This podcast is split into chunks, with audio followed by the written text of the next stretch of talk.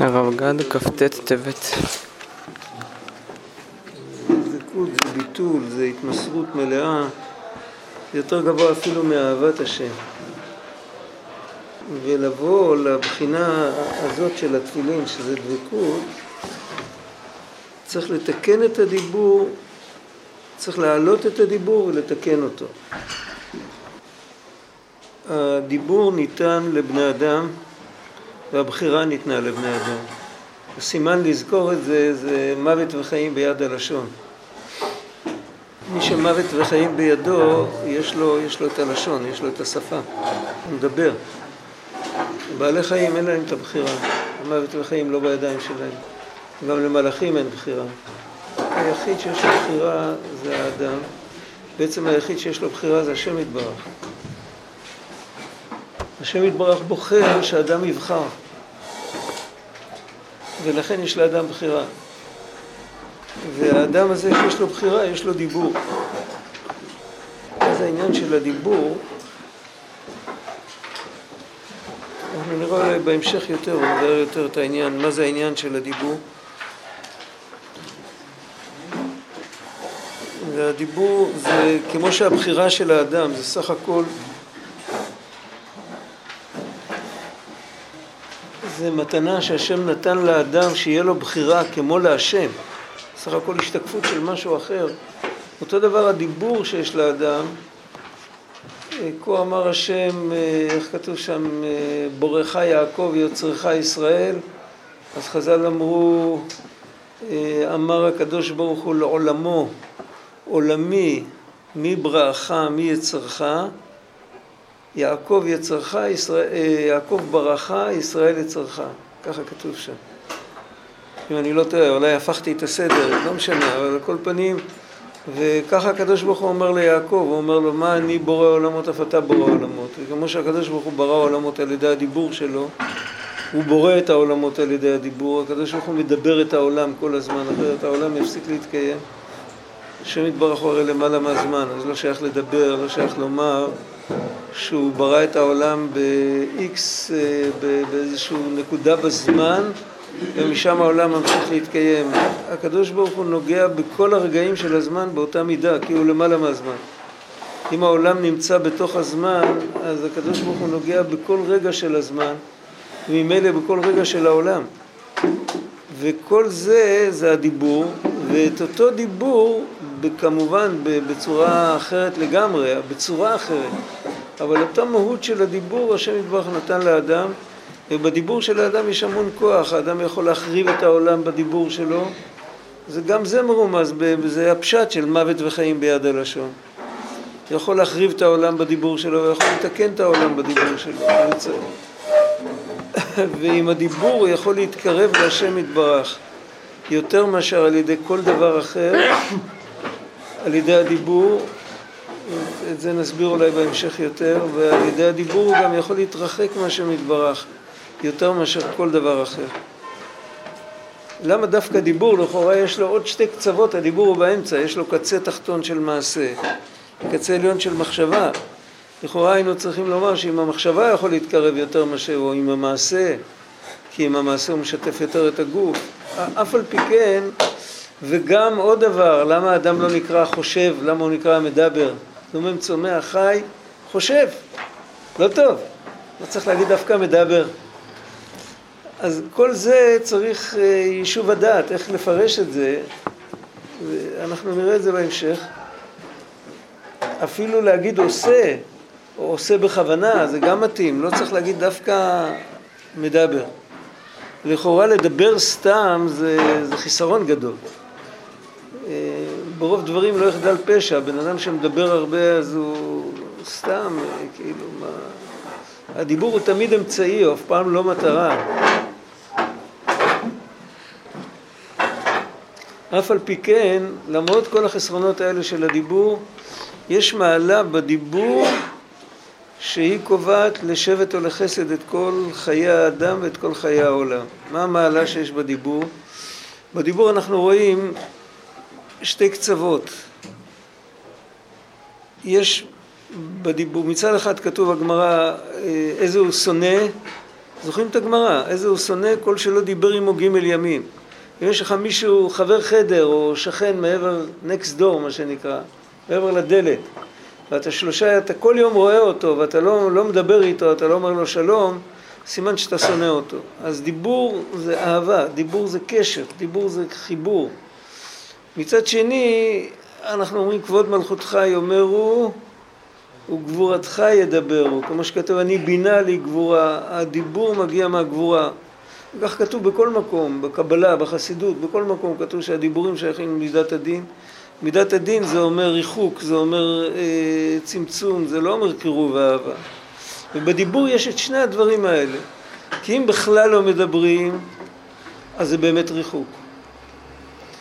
ואם, ולדבר, כשכן מדברים, אז זה גם ריחוק, כי אי אפשר לדבר את הכל. בן אדם לא יכול לבטא את, את, את, את הרגשות שלו ואת העומק של המחשבה שלו, הוא לא יכול לבטא בדיבור, זה לא שייך. תמיד נשאר איזה רובד נסתר. עצם היכולת לדבר זה היכולת להסתיר את הפנימיות. אם הפנימיות הייתה מתגלית עד הסוף, היינו נכנסים לרגש כזה חזק או להתבוננות כל כך עמוקה שלא היינו מסוגלים לדבר. כי להוריד משהו בדיבור זה צמצום גדול. היות שלהוריד משהו בצמצום זה דיבור גדול, אז יש בזה... מכירים את המאמר חז"ל שדברים היוצאים מן הלב נכנסים אל הלב. יש צדיקים אמרו שזה אינה דומה, אינה דומה שמיעה לראייה למעליותא של השמיעה. כששומעים מצדיק זה יותר מאשר שרואים בספר, כי הצדיק מדבר מהלב שלו, אז זה נכנס ללב של השומע, למרות שהצדיק מצמצם את הלב. אף על פי כן, אז זה המעלה של הדיבור, שיש כאן נקודה, צריך להבין את זה טוב, אני לא יודע בדיוק איך להסביר את זה, אני מקווה שאנחנו נבין את זה, אני לא יודע. יש נקודה כזאת, שעובר דרך הדיבור משהו שלא יכול לעבור דרך הדיבור.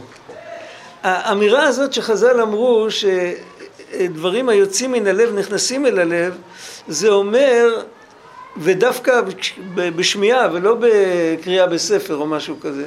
זאת אומרת שיש מעלה לדיבור שלמרות שהדיבור מצמצם את כל הרגשות ואת כל העומק ואת הכל, אף על פי כן השומע יכול באיזה דרך נסתרת לדלות את זה מתוך הדיבור של המדבר. או, או בשפה אחרת אפשר להגיד את זה, את האור הוא לא מקבל, אבל הוא מקבל את הכוח לגלות לבד את האור, בלי לקבל אותו. זה ההתעוררות שהדיבור עושה, ואת המעלה הזאת אין לא במעשה ולא במחשבה. זו מעלה ייחודית. יש, אה, במעשה יש צמצום, ומתגלה דרך זה, זה מעשה, צדיק יכול להכיר, המגיד הכיר פעם על, אה, על כלי שמישהו עשה, המגיד ממזריץ', הוא אמר שמי שעשה את הכלי היה סומה בעין אחת. היה איזה סיפור על צדיק שהוא שכב על מיטה שעשו אותה בשלושת השבועות או בתשעת הימים. אז הוא מיד קם והוא אמר, אוי זה דוקר, אז הם לא הבינו, מה, הוא היה תמיד מגלה כל מיני דברים שעשו אחרים, דברים רעים, אבל את המיטה הזאת הזמינו בשבילו אצל נגר ירא שמיים, הוא אומר, אבל הוא היה כזה ירא שמיים, הוא כל הזמן בכה בתשעת הימים, לא יכול לסבול את העצבות שלו. הוא קם ואמר, ששטכט, על מי מספרים את זה? אני לא זוכר כרגע, אחד מגדולי, תלמיד הבעל שם. הוא אמר זה דוקר, אז זה יחידי סגולה יכולים לדלות מתוך המעשה את מה שאנחנו יכולים לדלות מתוך הדיבור. אבל בדרך כלל, בדיבור זה נמצא, במעשה זה לא כל כך, זה, אני לא יודע אם זה תלוי בגברא, בחפצה, אבל זה, זה לא ניתן, ל, זה לא ניתן שם, לא ניתן, אין את המפתחות. אבל בדיבור זה נמצא. מתוך הדיבור אפשר להוציא, אה, איך היו אומרים, תלמידים של רבי נתן היו לומדים לקוטי הלכות, אז הם היו מתמוגגים מדמעות. אז פעם מישהו מהצעירים הסתכל ואמר, מה הזקן הזה בוכה כל כך? אז אמר לו מישהו אחר, אתה לא מבין, הוא נזכר איך רבי נתן אמר עם הקול שלו את ההלכה הזאת. הזיכרון הזה מעורר אותו את הדמעות, לא המילים שכתובות בספר. זה הכוח של הדיבור. אחר כך יש במחשבה במחשבה יש אור גדול יותר מאשר בדיבור, אבל אין אופן שאפשר להעביר את זה למישהו אחר, אלא אם כן המישהו ההוא יודע מחשבות, בסדר, אז גם כן לא, אנחנו לא מדברים על דברים כאלה. בדיבור יש כוח לצמצם מצד אחד, ואף על פי כן שהמקבל יוכל לקבל את הכל. ולכן הכוח הזה, יש לו, בשביל זה כתוב, בליקוטי אה, מרן כתוב במקום אחר, שאם רשע, בר דעת, מדבר, אז זה יכול להוליד מידות רעות אצל השומע. למרות שהוא מדבר על מזג אוויר ופוליטיקה, הוא לא מדבר על מידות רעות, הוא לא מדבר על מידות בכלל. הוא מספר סיפור, אבל זה עובר. דרך הדיבור זה כן עובר, הדיבור זה לא הסתרה גמורה. ולכן עם דיבור אפשר כל כך הרבה לקלקל, ולכן עם דיבור אפשר כל כך הרבה לתקן. וממילא אם בן אדם לא מתקן את הדיבור שלו, והוא נמצא במקום שהוא, עם הדיבור הוא משתמש, בדרך כלל כשלא מתקנים את הדיבור, מה הקלקול של הדיבור? זה יכול להיות שקר ורכילות ולשון הרע, וכל הדברים האלה, המידה שעומדת אחריהם זה, זה כאילו לצאת בסדר בחברה.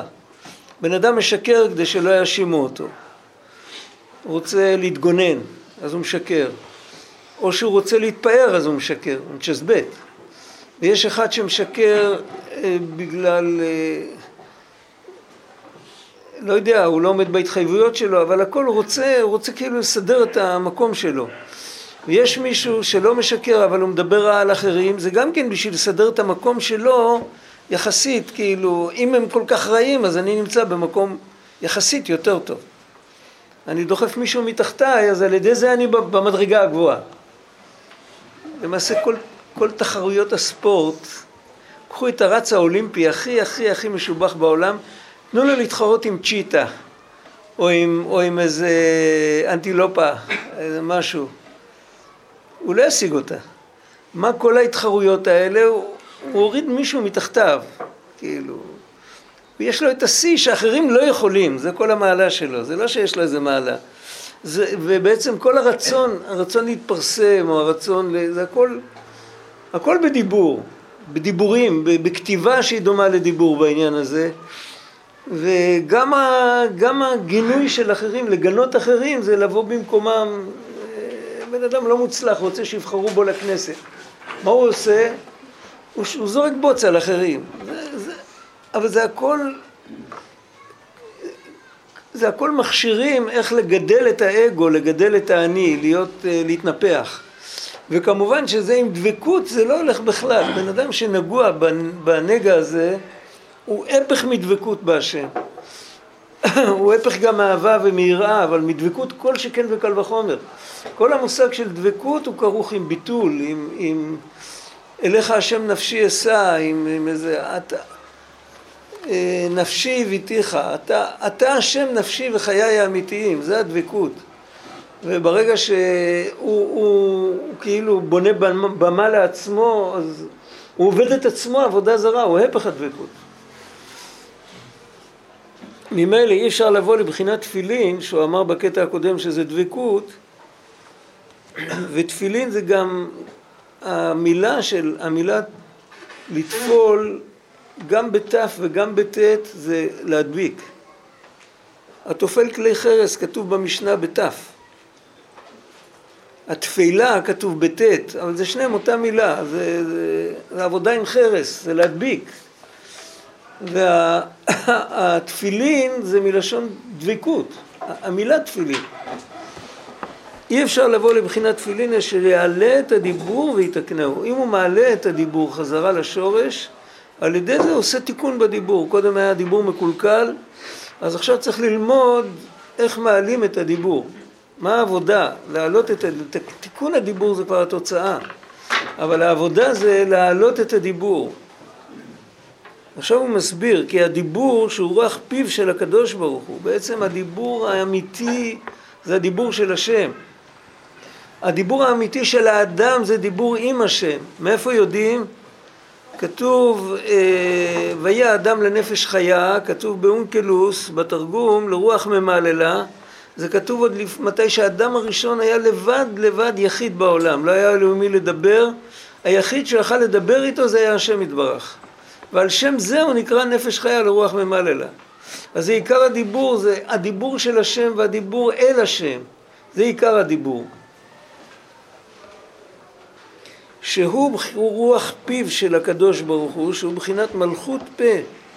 זה הדיבור. במלכות יש בדיוק את אותו צמצום. כל מה שלמדנו קודם על הדיבור, שמצד אחד הוא מצמצם, מצד שני משהו מהפנימיות כן עובר ואפשר לקבל אותו, דברים היוצאים מן הלב נכנסים אל הלב, כל זה במלכות נמצא, כי המלכות אין מלך בלא עם, אז מה, מה המלכות מתחיל הסוגיה הזאת של היש ודבר נפרד בפני עצמו, כי אחרת אי אפשר להיות על זה מלך.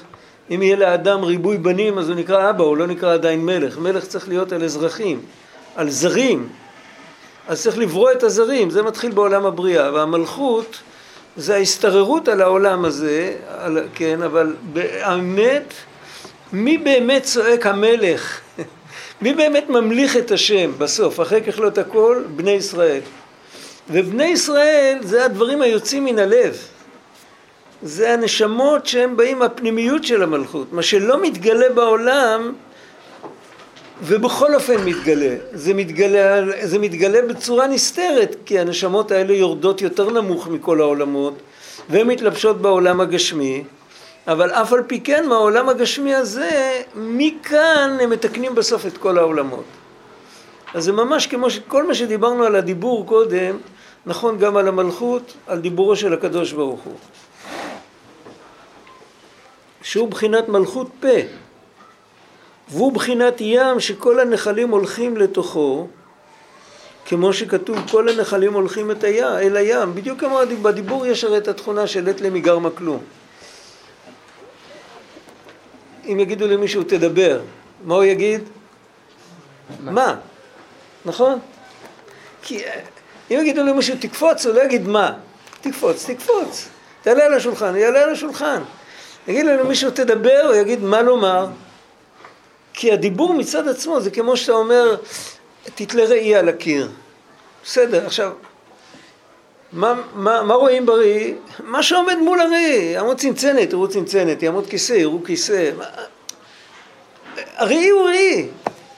אותו דבר הדיבור, מה שמאיר מהמחשבה לדיבור, זה מה שיוצא.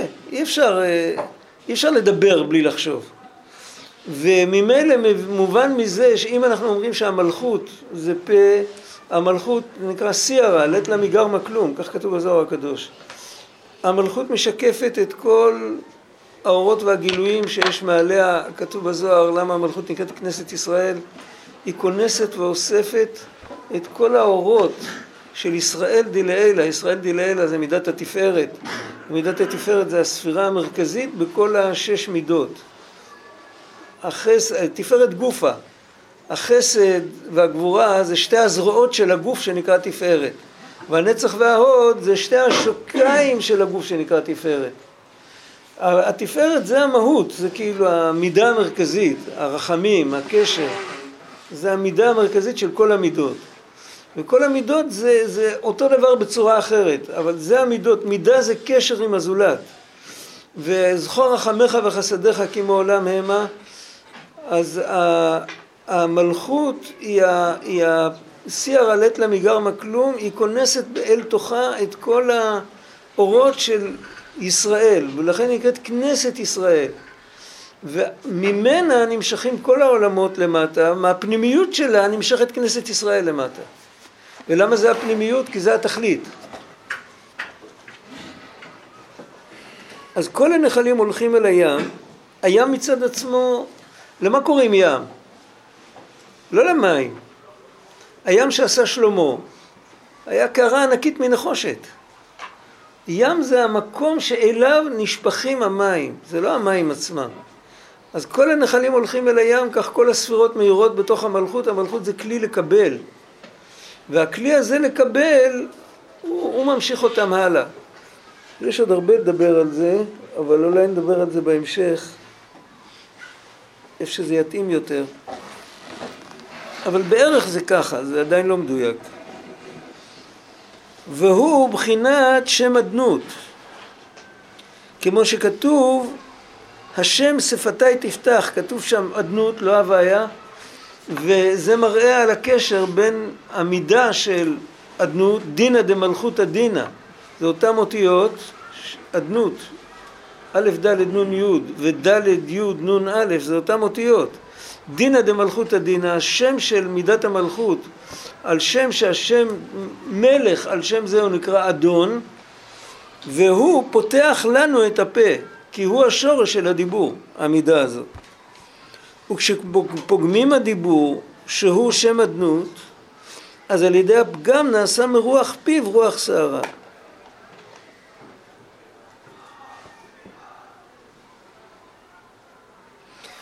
לנו קשה לתאר את זה ככה בדיבור, אבל אם נתאר את זה בכתב, אז אנחנו נוכל לראות את זה יותר טוב. יש אה, אותיות שהן לא כתובות, אלא שהן אה, עשויות מעץ או מפלסטיק.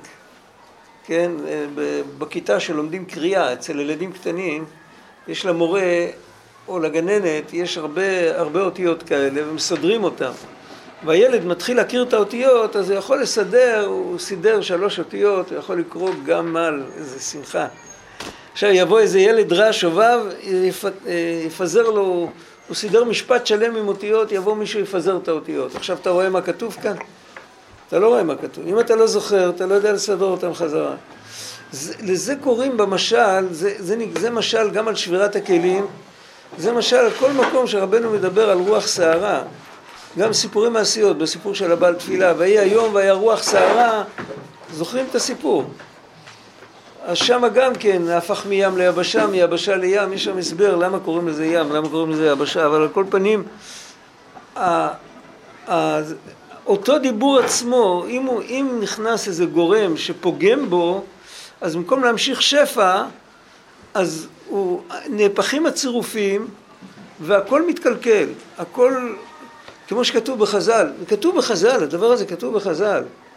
כתוב בחז"ל שהרי שהיו ישראל צדיקים בראש השנה ואחר כך הם חטאו, נגזר עליהם הרבה גשם, אחר כך הם חטאו, אז הקדוש ברוך הוא מוריד להם את הגשם הזה במקום שלא צריך ובזמן שזה לא, זה לא מתאים.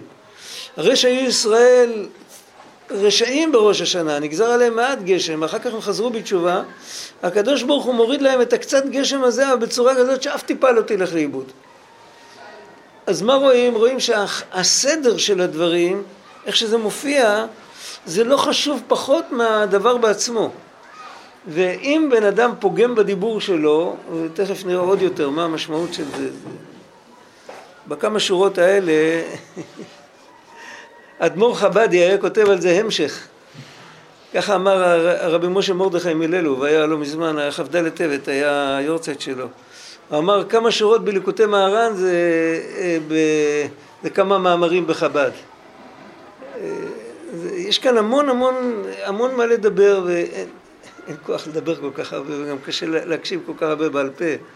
אבל על כל פנים הנושא שהשפע מגיע מתי שהוא מגיע כמו שהשם יתברך אה, סידר אותו והכלי לקבל אותו נכון זה כשהבן אדם יש לו, מנצל את הבחירה שלו כמו שצריך. ואת הבחירה הוא מקבל פה בעולם הזה והוא צריך להחזיק בראש בגדול קשה לזכור את זה כל פעם שמדברים, זה מאוד קשה, אנחנו מדברים ולא שמים לב שאנחנו מדברים. רוב הפעמים שאנחנו מדברים, אנחנו רק נזכרים אחרי שגמרנו לדבר שדיברנו. בדרך כלל אנחנו לא יודעים שאנחנו מדברים, אבל אם זוכרים, או על כל פנים כשמתבודדים ומבקשים אה, מהשם עזרה, צריך לבקש על שני דברים. קודם כל, שלא נהיה כפויי טובה. אה, איך אמר לנו אז אותו יהודי, הגיע פעם לכפר חב"ד, הגיע, יש שם ליד זה אה, חורבות מ-48 מערבים, הורידו אותם כבר, אז עוד היה התנחל שם איזה יהודי, יהודי שהגיע בנגלה הראשונה של העלייה מגרוזיה. יהודי זקן עם עין מזכוכית, עם זה, הוא נכנס שם והוא... הוא היה יהודי חסידי מאוד כזה, אויבת גדול, והחבר'ה קלטו אותו, הלכו ביום חמישי בלילה, היו יושבים אצלו, היה מדבר איתם. אני לא ידעתי, לא הייתי עם האלה. אז... אה, אה, פעם הייתי צריך מישהו, הלכתי לקרוא לו, אז ראי, אמרו לי שהוא נמצא שם. נכנסתי, שמעתי, שני דיבורים שמעתי ממנו. דיבור אחד הוא אמר, דיבור אחד הוא אמר את מה שאמרתי כרגע, שבדרך כלל בן אדם לא שם לב כשהוא מדבר. אז זה, זה עוד, עוד עניין, הוא אמר את זה אחרת, לא חשוב עכשיו, אבל מה שנוגע זה שהוא אמר, תחשבו שלא היינו מדברים על הקדוש ברוך הוא, היינו מדברים על בן אדם גשמי, והיינו יודעים, מרגישים, עומדים מולו ומרגישים שאם הוא, הוא מסתכל עלינו וחושב עלינו, אנחנו קיימים, וברגע שהוא מסיח מאיתנו את הדעת, אנחנו פשוט מתפוגגים. איזה דרך ארץ היה לנו כשהיינו עומדים מולו? מה זה, מה זה ההתבוננות הזאת? היא עושה על הבן אדם, הרי כתוב בתהילים, כתוב אשר אמרו ללשוננו נגביר, שפתנו איתנו, מי אדון לנו? אנחנו יודעים שמתי שבן אדם עומד מול אדם גדול, מה נסגר הראשון? הפה. קשה לדבר, מול, מול בני אדם גדולים באמת, אתה מרגיש את הגדולה שלו, אתה לא יכול לדבר. אם בן אדם מדבר ככל העולה על רוחו, זאת אומרת שהוא שכח שהשם בורא אותו.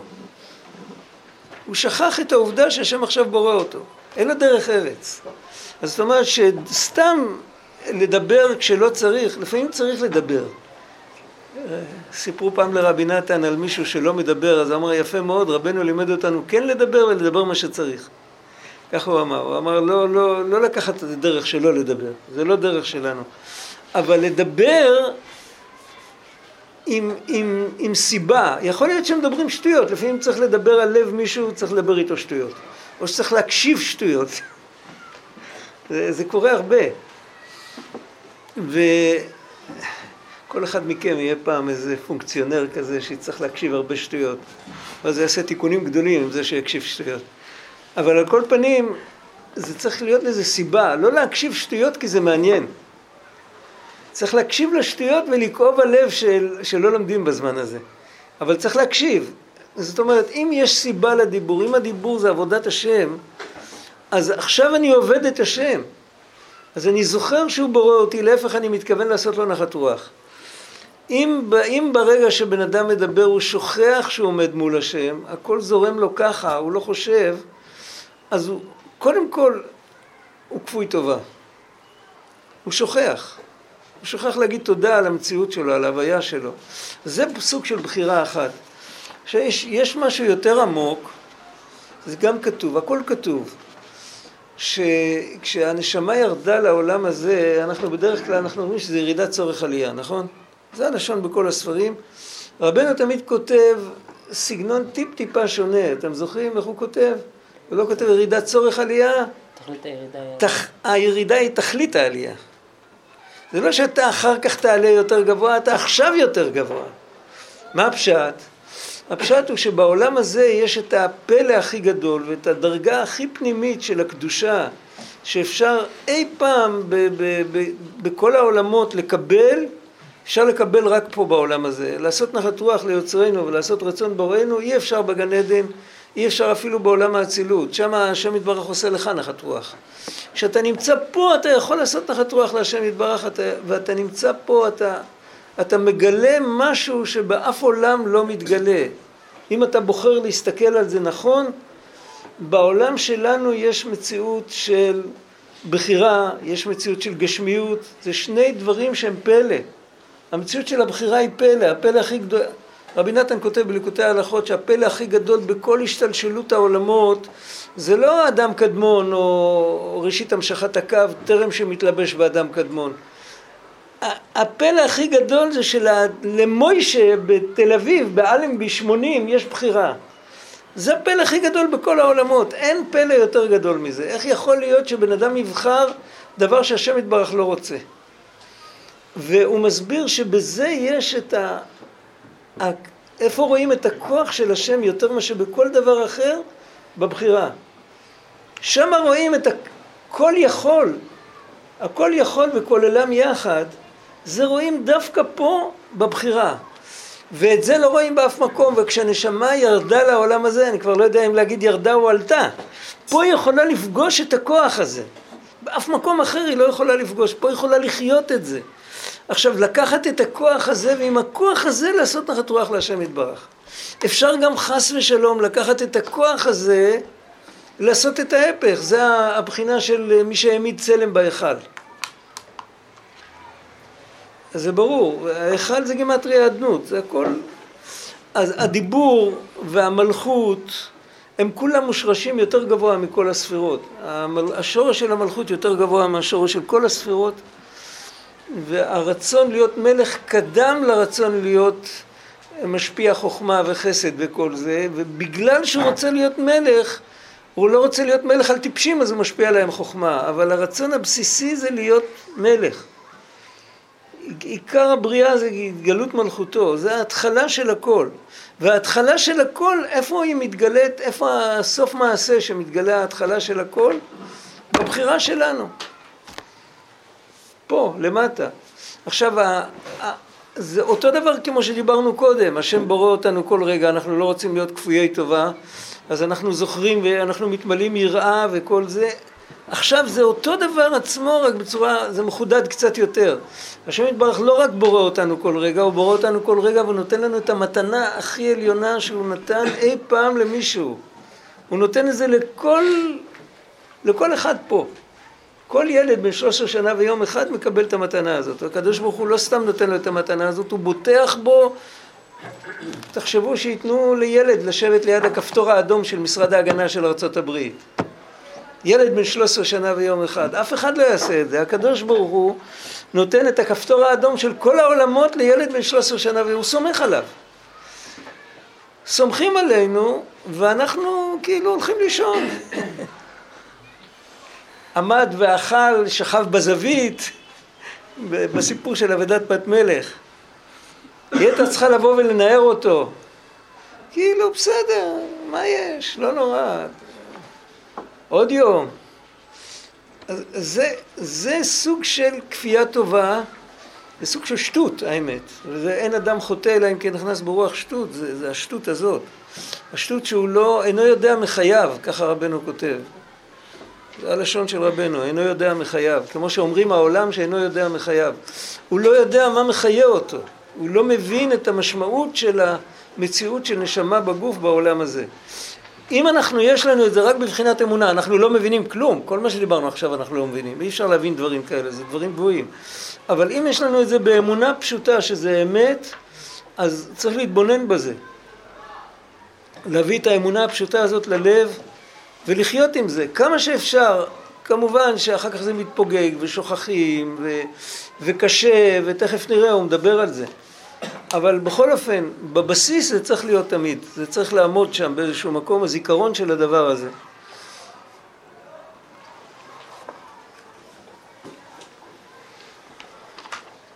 אם פוגמים את הדיבור, נעשה מהפגם רוח סערה, זה שבירת הכלים, זה כמו הילד הרע שמערבב את האותיות, ואז פתאום נהיה משהו אחר לגמרי.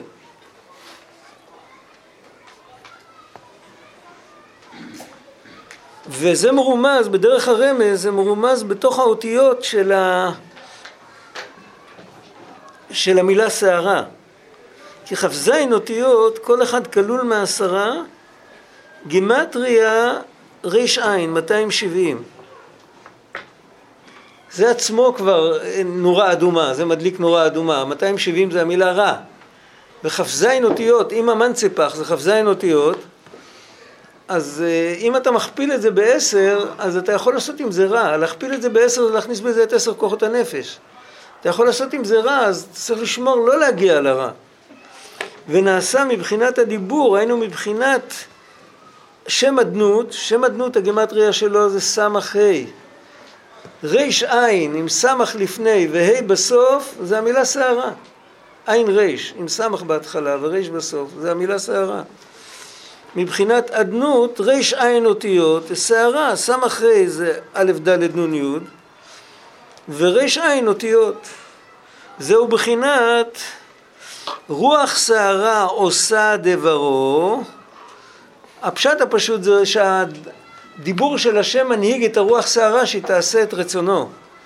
וכאן רבנו מסביר עושה מלשון תיקון, כל אשר ברא לעשות, לתקן,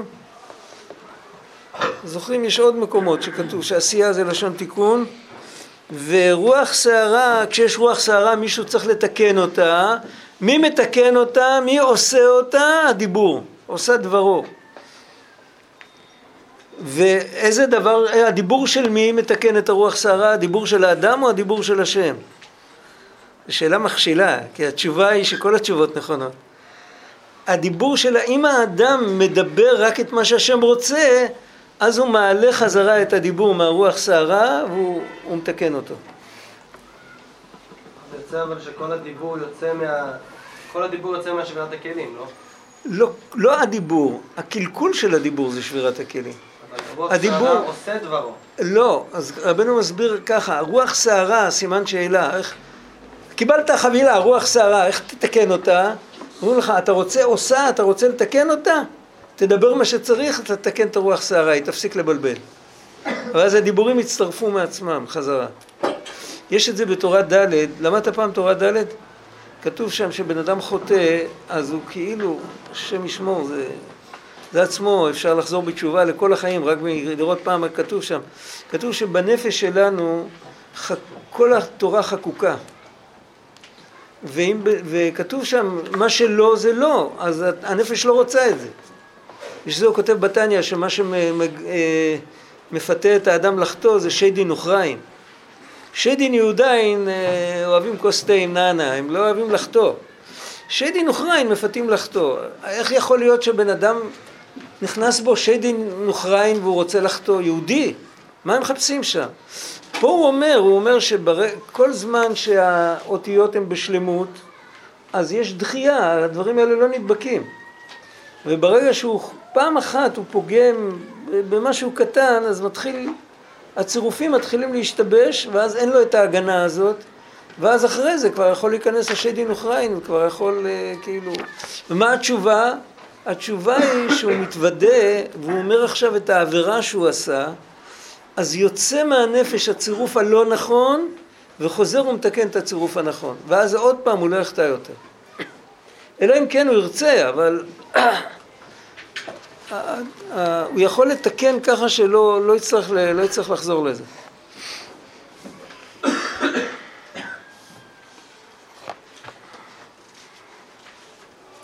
שעושים ומתקנים את הדיבור ומעלים אותו מבחינת רוח סערה. ורוח סערה הזה הוא מקטרג הגדול, שממנו באים כל הקטרוגים והניסיונות. זה ברור לגמרי שזה קטרוג עצום. בן אדם קיבל מתנה שלוש פעמים, שלוש מתנות דיברנו. דיברנו על מתנה שהוא קיבל את כוח הדיבור שלאף מלאך ולאף בעל חי אין את זה, שזה כרוך עם הבחירה, מוות וחיים ביד הלשון. דיברנו על זה שכל רגע השם בורא אותו, למרות שהוא בתוך הזמן ובמקום כזה נמוך. דיברנו על זה שהוא עלה למקום הכי גבוה, שהוא יכול להתחבר להשם יותר מכולם, כי הוא, כי הוא קיבל בחירה ויכול לעשות נחת רוח. וכל זה על ידי הדיבור, שבדיבור יש את הכוח הנפלא הזה של להרגיש את הנוכחות של השם, למרות שהשם נותן לנו את הנוכחות שלו דרך דיבור. כי בכל אופן, אצל הקדוש ברוך הוא זה ודאי דברים היוצאים מן הלב. אז זה נכנס ללב שלנו. אם אנחנו רק רוצים, אנחנו יכולים למצוא אותו. אם תדרשנו, יימצא לך. ואם תעזבנו, יזניחך לעד. זה כתוב בדברי הימים, כתוב נבואת עודד נדמה לי, אני לא זוכר. על כל פנים אם תדרשנו יימצא לך למה? כי בתוך הדיבור הוא הכניס את עצמו. ענה נפשי כתבית יהבית. עכשיו אנחנו לוקחים את הדיבור הזה, שיש בו את כל המתנות הגדולות האלה, עם הדיבור הזה אנחנו מקלקלים. זה ממש מעמידים צלם בהיכל. ואז זה עצמו מקטרג עלינו. איך יכול להיות? כאילו, אחרי כל ה... זה כמו שכתוב בפסוק, וכסף הרביתי להם וזהב עשו לבעל.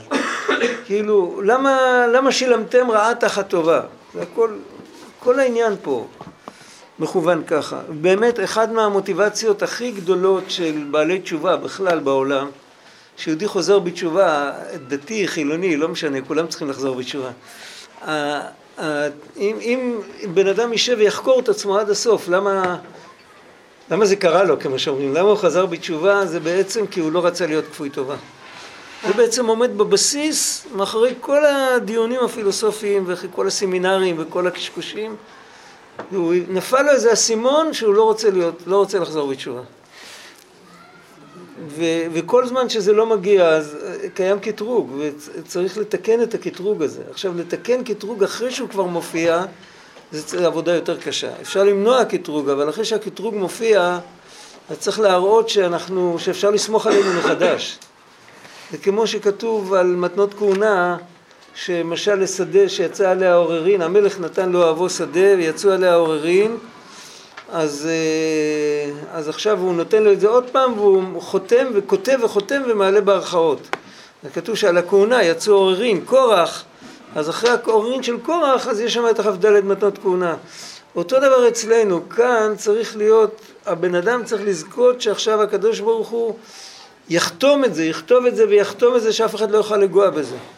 כאילו לקבל את התורה מחדש. איך, מה, מה התערותא דלתתא?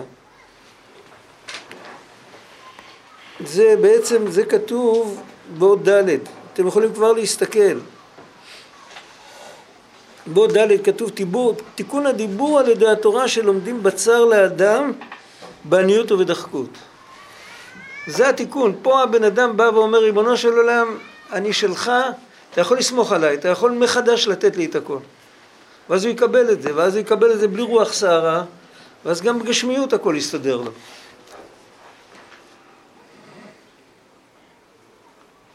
והוא, הרוח סערה הזאת הוא אחר הדברים. אולי רבנו מתכוון לאחר הדברים האלה בסנחריב, אני לא יודע. אחר הדברים האלה, והאלוקים נישא את אברהם, כתוב ברשב"ם שזה היה הקפדה למה הוא כרת ברית עם אבימלך. יש רשב"ם כזה בחומש, זה פלא. אבל זה כאילו, הוא היה צריך, היה צריך להצטער, אז הוא יצא עם זה את הידי חובה. אנחנו לא מבינים בזה הלוואי עלינו העבירות של אברהם אבינו. אבל... על כל פנים, אחר הדברים תמיד מראה על איזה ירידה, על איזה... זה מבחינת אחוריים. הוא מביא את אחר הדברים ואלוקים נישא את אברהם. וזהו אחר הדברים שהוא יונק מהדיבור, כשהוא מוצא פתח לנהוג. היינו, לפתח, חטאת. וכתיב, שמור פתחי פיך. הפה צריך להיות סגור, וצריך לפתוח אותו. אתם יודעים, עשו פעם קופסת סיגריות שהיא נפתחת עם שעון כזה, היא נפתחת פעם בשעתיים נגיד, ואז הבן אדם יכול לשלוף סיגריה אחת, זה נסגר לו עוד שעתיים. זה בשביל אנשים לצאת מההתמכרות. אם הוא רוצה לפתוח בין לבין, אז הוא צריך לעשות פעולה שמכאיבה ליד שלו.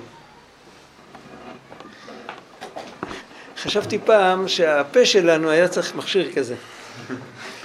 כן, שאם הוא רוצה, אם הוא רוצה לדבר בלי, בלי לחשוב, שיכאב לו קצת. הוא צריך המפתח שם זה לא לחכות שעתיים, זה לחשוב רגע, רגע. לענות, לא לענות. להקשיב, לא להקשיב. לשמוע, לדבר, להסתכל, כל הדברים האלה הספונטניים שרצים ככה. הפסוק אומר שמור פתחי פיך. רבנו מסביר, אתה צריך לשמור שלא יהיה מהפה יניקה לחיצונים. אם יש יניקה זה כמו חבית עם חור. נוזל היין אז למה אתה שמח? כל התיקנים והנמלים והצרעות, כולם באים לשם. זה יניקת החיצונים, וצריך לסגור את הפתח, שיש פתח, יש ברז שדרכו הבן אדם מקבל ישר לתוך הכלי ואין להם חלק בזה. אבל אם הפתח פתוח יותר מדי, אז אה, כאילו... אז זה אחר הדברים.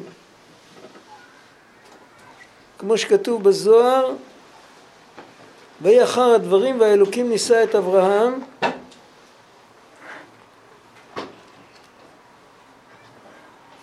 אין כאן כלום, יש כאן מראה מקום רק לפסוק. אני לא הסתכלתי בזוהר שם. אבל בכל אופן ברשב"ם כתוב שזה היה סוג של עונש על זה שהוא כרת ברית עם אבימלך. זאת אומרת, זה סוג של ירידה. יש לך פה זוהר? אה, פה יש מראה מקומות. יכול להיות. יש ציטוטים, אה, יש הערות למטה. יש הערות מ... יש כאן שני סוגי הערות, ועל זה יש הערה, השורה התחתונה יותר, שזה רק מראה מקומות, אין כאן כלום. וכל המלשינות והרעות שדוברים על אדם, זה, יש לזה משמעות כפולה, זה גם בעולם הבא וגם בעולם הזה, לפעמים אה, כאילו מתפלאים למישהו, מדברים עליו דברים שהוא לא, לא עלה על ליבו בכלל, הוא, הוא לא בכיוון הזה בכלל, מדברים. מאיפה זה מגיע? זה בא מרוח סערה, מאחר הדברים הזה. כי הוא בחינת קץ כל בשר, שעושה קץ וסוף לכל בשר. יש אנשים שאוהבים למצוא חסרונות בכל דבר. בעיקר בבני אדם, לא ב... בסדר, למצוא חיסרון זה... כל פקח מוצא חסרונות בכל דבר. אבל שהוא מוצא חסרונות באופי של בני אדם, לא בהתנהלות שלהם. למצוא חיסרון בהתנהלות של מישהו זה בסדר, מה, מישהו אה, שכח אה, לא יודע מה. לפעמים אתה אומר למישהו, אומר לך תודה, הוא נסע לחוץ לארץ, הוא יוצא מהבית, הוא שכח את הבוילר דלוק שבוע. אתה אומר לו, היי, תסתכל, רואים, רואים מנורה אדומה, הוא חוזר הביתה, הוא פותח עוד פעם, סוגר, הוא אומר לך תודה. להגיד חיסרון על בן אדם, על ההתנהלות שלו, זה, זה הוכח תוכיח. אבל כשאתה מתחיל לדבר על הבן אדם שהוא רע, שהוא רשע, שהוא מאוס, זה בא מהקליפה, זה לא בא מהקדושה בכלל, אין בזה שום עניין. אפילו בין אם אומרים לו את זה בפנים, כל שכנים אומרים לו את זה מאחורי הגב. ובני אדם שהם דנים כל אדם לכף חובה וחוקרים תמיד על חובות בני אדם, הם מבחינת קץ כל בשר. כמו שכתוב, קץ שם לחושך ולכל תכלית הוא חוקר. גם פה הוא שולח בזוהר. שהוא חוקר תמיד לעשות תכלית וכיליון לכל דבר, ולעורר דין ולהלשין ולקטרג. כמו שכתוב, הרשעים קיים נגרש כי השקט לא יוכל. וצריך כל אדם לראות להקפיה סיטרא דקץ כל בשר תחת הדיבור של הקדושה. כמו שכתוב בזוהר, אוסרי לגפן עירו גפן דכנסת ישראל, כמו שכתוב, ופקוד גפן זאת, כמו שכתוב, וזאת אשר דיבר זאת, זה רמז על כנסת ישראל, זה לשון נקבה.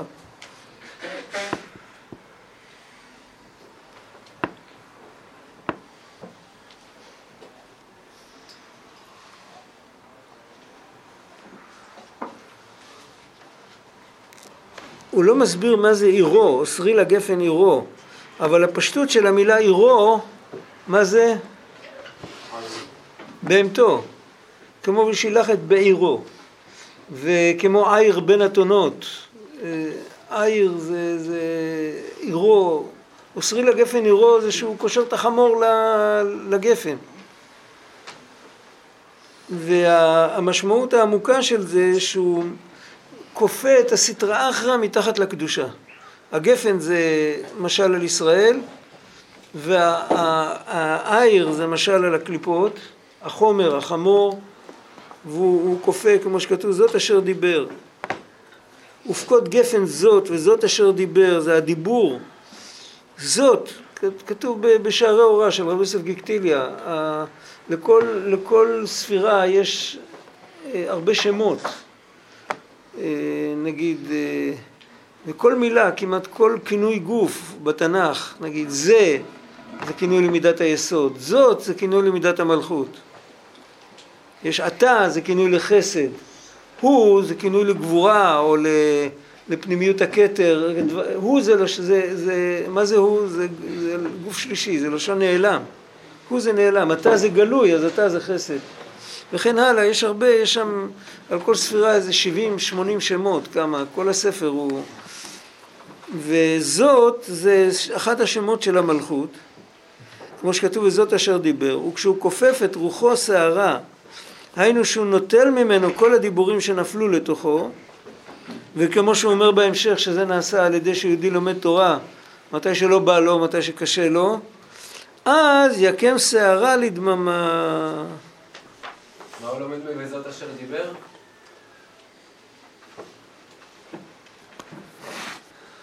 מה הוא לומד מבזאת אשר דיבר? מה הוא לומד מהפסוק הזה? לא, אני לא שמעתי. מה הוא לומד מהפסוק, וזאת אשר דיבר? אה, איפה כתוב? וזאת, אה, מזאת אשר דיבר, שזאת זה הדיבור, והדיבור זה המלכות. אשר דבר מלך שלטון. רבנו כשהוא, במקום להגיד שזה כידוע, בספר אחר היה כתוב במקום זה, זאת זה מלכות כידוע. אם זה היה רבי צדוק למשל, היה כותב ככה, או שפת אמת, או... רבנו מסתיר את, ה... את כל הקבלה, הוא שם בצד, והוא מוצא את הכל בתוך פסוקים, וזה דבר ידוע בקבלה, אבל בדרך אגב הוא מראה לנו שכל התנ"ך זה קבלה אחת גדולה. זה הרווח שאנחנו מקבלים מזה. הרב, זה כמו וידוי לפני תלמיד חכם בעצם, ללמוד תורה כאילו? זה אותו דבר? אה? בווידוי לפני תלמיד חכם, רבי אברהם מסביר, יכול להיות שאתה צודק, היום ראיתי את זה, הוא כותב בביאור הליקוטים, הוא כותב ככה, הוא כותב, השורש של כל החטאים זה גאווה. זה הכפייה הטובה שדיברנו עליה קודם. ההתרחקות מהשם, ההפניית עורף, כאילו אני לא מכיר אותך, אני לא חייב לך כלום, זה השורש של כל החטאים. ממילא אם רוצים באמת לחזור בתשובה צריך פעם אחת להסתכל בעיניים ליהודי שהוא בתכלית הענווה. הוא כותב שם דבר יפה, הוא כותב המילה עוון והמילה ענב זה אותם אותיות רק בהפך הסדר. הרוח סערה הפכה את הסדר. ולצאת מהעוון צריך לפגוש את הענב והצדיק יש לו את הענווה של משה רבנו. ולא לא מדובר סתם על איזה גאון, כתוב שם תלמיד חכם כאילו, אז הוא מסביר שמדובר על בן אדם שהוא לט למיגר מכלום, הוא ענב בתכלית. ואותו אחד אפשר, נו אתה מכיר אחד כזה? בדרך כלל היום אה, וידוי דברים אומרים במקומות קדושים, אומרים בכותל, אצל שמעון הצדיק, אצל רשב"י, אה, לא יודע, נוסעים לאומן, למז'יבוז. לא, לא מחפשים אה, בן אדם, אה, לא יודע, לא ראיתי, אני לא ראיתי. כל כך הרבה שנים לא, לא ראיתי אף פעם שהולכים, מחפשים בן אדם. אצל רבנו היה סדר שבערב ראש שנה היו מתוודים לפניו, אבל רק חלק, לא הכל. היו אומרים כמה, כמה מילים, ואז הבן אדם היה מתחיל להיזכר את כל מה שהוא עשה, ומתחיל לבכות, ואז רבנו היה נותן לו תיקונים והיה הולך. זה לא היה זמן להתוודות על הכל. ואחרי כמה שנים ספורות בודדות, אז הוא, הוא הפסיק את זה. זה היה כאילו מין פוש כזה לקראת הבאות, אבל לא שיעשו את זה אצלו ולא שיעשו את זה אצל מישהו. זה הפסיק מיד, בחיי רבנו כבר הפסיקו עם זה. וזה אותו כוונה, אבל פה כמו שאדם בא ללמוד תורה. זה גם אותו דבר, זה אותו עניין. אי אפשר ללמוד תורה מתוך הדחק כל זמן שבן אדם הוא מתגאה. לא תימצא בגסי רוח, לא בשמיים היא כתוב, לא תימצא בגסי. אם בן אדם יש לו את ההתניה הזאת שהכל צריך להיות, אה, איך היו אומרים פעם, אה, בליטא היו אומרים, מה הגן עדן? רוצה להיות בגן עדן. מה זה הגן עדן? הוא אומר, שם היה תמיד קר. בקיץ היה גשם, בחורף היה שלג. גמרא, גמרא ש"ס גדולה עם אותיות גדולות, תנור ליד, עם כוס קפה ליד, זה הגן עדן. אז אם בן אדם רוצה לחיות בגן עדן כבר בעולם הזה, סימן שהוא בעל גאווה גדול. אז לוקחים לו את הש"ס, את הגמרא הגדולה, ולוקחים לו את, ה, את הסטנדר גם היו מזכירים, לא סתם. לוקחים לו את הסטנדר ואת ה... צריך להתכופף על שולחן, או שהוא עומד מתחת לעמוד חשמל בלי שולחן, ולומד בטרמפיאדה. ובחוץ רוח והדפים עפים לו, ואם בכל אופן הוא לומד אז, אז, אה, אז זה יכול לעשות תיקון בכל העולמות. להוריד את ההתניה הזאת, שלהפך, המעלה של העולם הזה שמפריעים פה. את זה, אם מישהו מפריע צריך לנשק לו את האצבעות.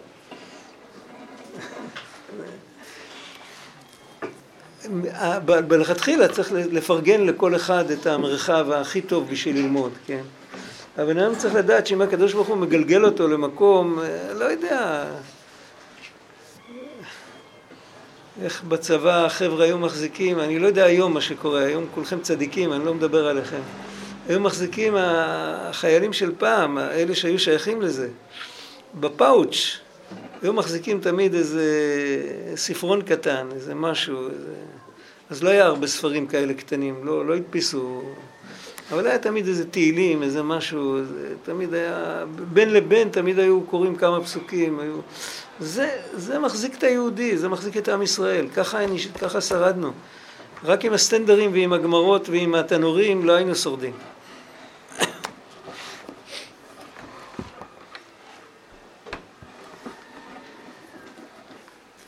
צריך להעלות את הדיבור לשורשו.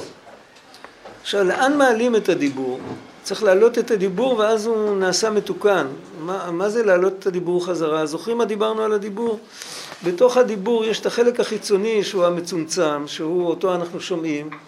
יש את החלק הפנימי שהוא מה שלא יכול לעבור דרך הדיבור, נכון? הסוד, העומק. צריך לעלות, לדבר עם השם. זה כמו שיגידו לבן אדם, סגור עיניים, כשאתה סוגר עיניים אתה עדיין רואה מה שראית לפני שפתחת את העיניים, נכון?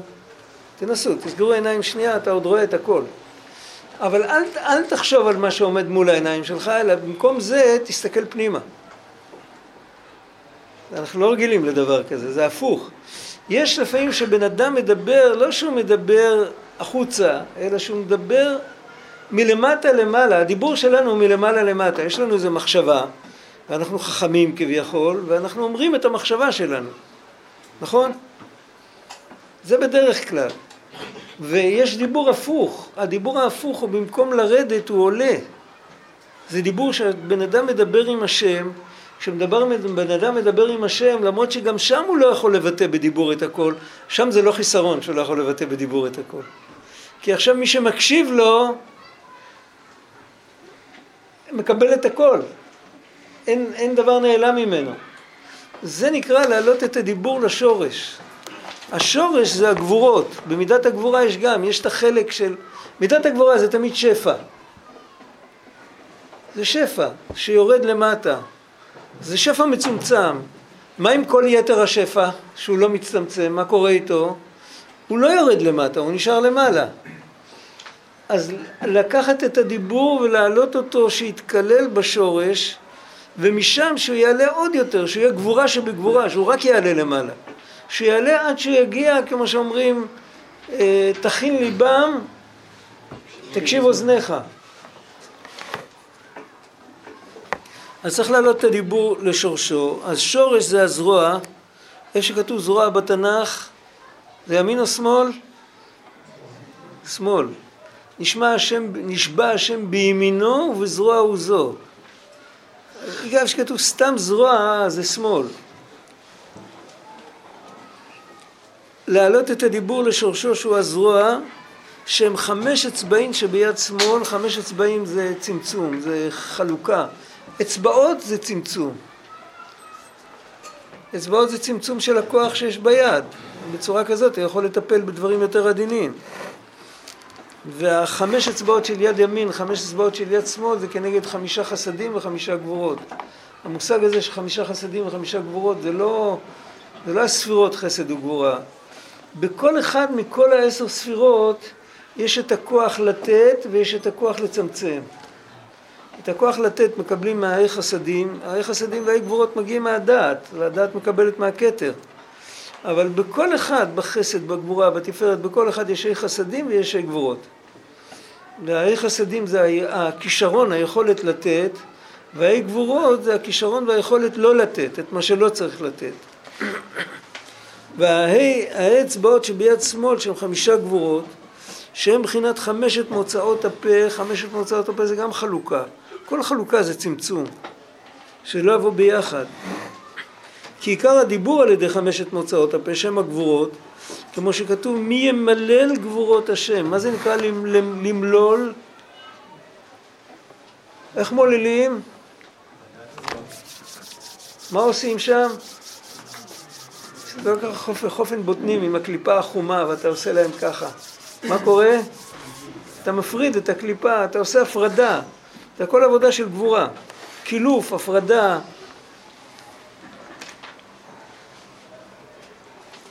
כמו שכתוב מי ימלל גבורות השם. שעל ידי גבורות נעשה הדיבור, כמו שכתוב גבורתך ידברו. וכמו שכתוב כה דברי כאש נאום השם. אז זהו, אז צריך להתחיל להעלות את הדיבור לשורש, צריך לדבר עם השם. זה דבר ראשון. בשביל זה יש לפני שיהודי יושב ולומד תורה, יש מושג שנקרא ברכת התורה. ההתחלה של הלימוד זה דיבור עם השם. והתחלת עליות של הדיבור הוא מראשו, דהיינו מה מובחר האמת שיש בדיבור, שהוא נקרא ראש. זה ברור לגמרי, מה שעולה זה הפנימיות. החיצוניות נשארת למטה. אם בן אדם לומד עכשיו באהבה ויראה ודבקות עילאית, ייכנס ילד וישמע את המילים שהוא אומר, הוא ישמע כמו מילים של מישהו אחר. המילים נשארים אותם מילים, אבל מה שקורה בפנים, הדיבור הזה מחובר לגמרי להשם יתברך. יכול להיות שמישהו אחר שלומד על מנת להתייהר ולקנטר, הוא לומד עם אותו ניגון ועם אותו, אותו היגוי ובדיוק אותו דבר, הוא מדייק בדיוק כמוהו. יכול להיות שיגיד סברות יותר טובות. אבל עיקר העלייה, הדבר הראשון שעולה זה הפנימיות. אם השם עוזר גם החיצוניות עולה. כשהחיצוניות גם עולה זה מדרגה יותר גבוהה. שאפילו החיצוניות עלתה. כשהחיצוניות עולה אז זה כבר משפיע על אחרים גם כן. אז אם אני אשמע יהודי שלומד ככה, אם החיצוניות שלו עלתה, אז אני כבר לא יכול ללמוד יותר שלא לשם שמיים. זה ישפיע גם עליי, כי גם החיצוניות, זה כבר הדברים היוצאים מן הלב נכנסים אל הלב. אבל אם רק הפנימיות עלתה, אז עדיין זה לא הגיע לידי כך, אבל על כל פנים הוא מתחיל לתקן. זה נקרא שהתחלת התיקון תמיד מתחיל מהראש. האמת שכל דבר, גם בן אדם ששוקע בבוץ, כשאתה מתחיל להוציא אותו, מה עולה ראשון? הראש. מה עולה אחרון? אבל מתי כל האדם עלה? מתי שלמטה, למטה עולה. שתיים, שלוש, מה השעה עכשיו? הגיע הזמן, טוב.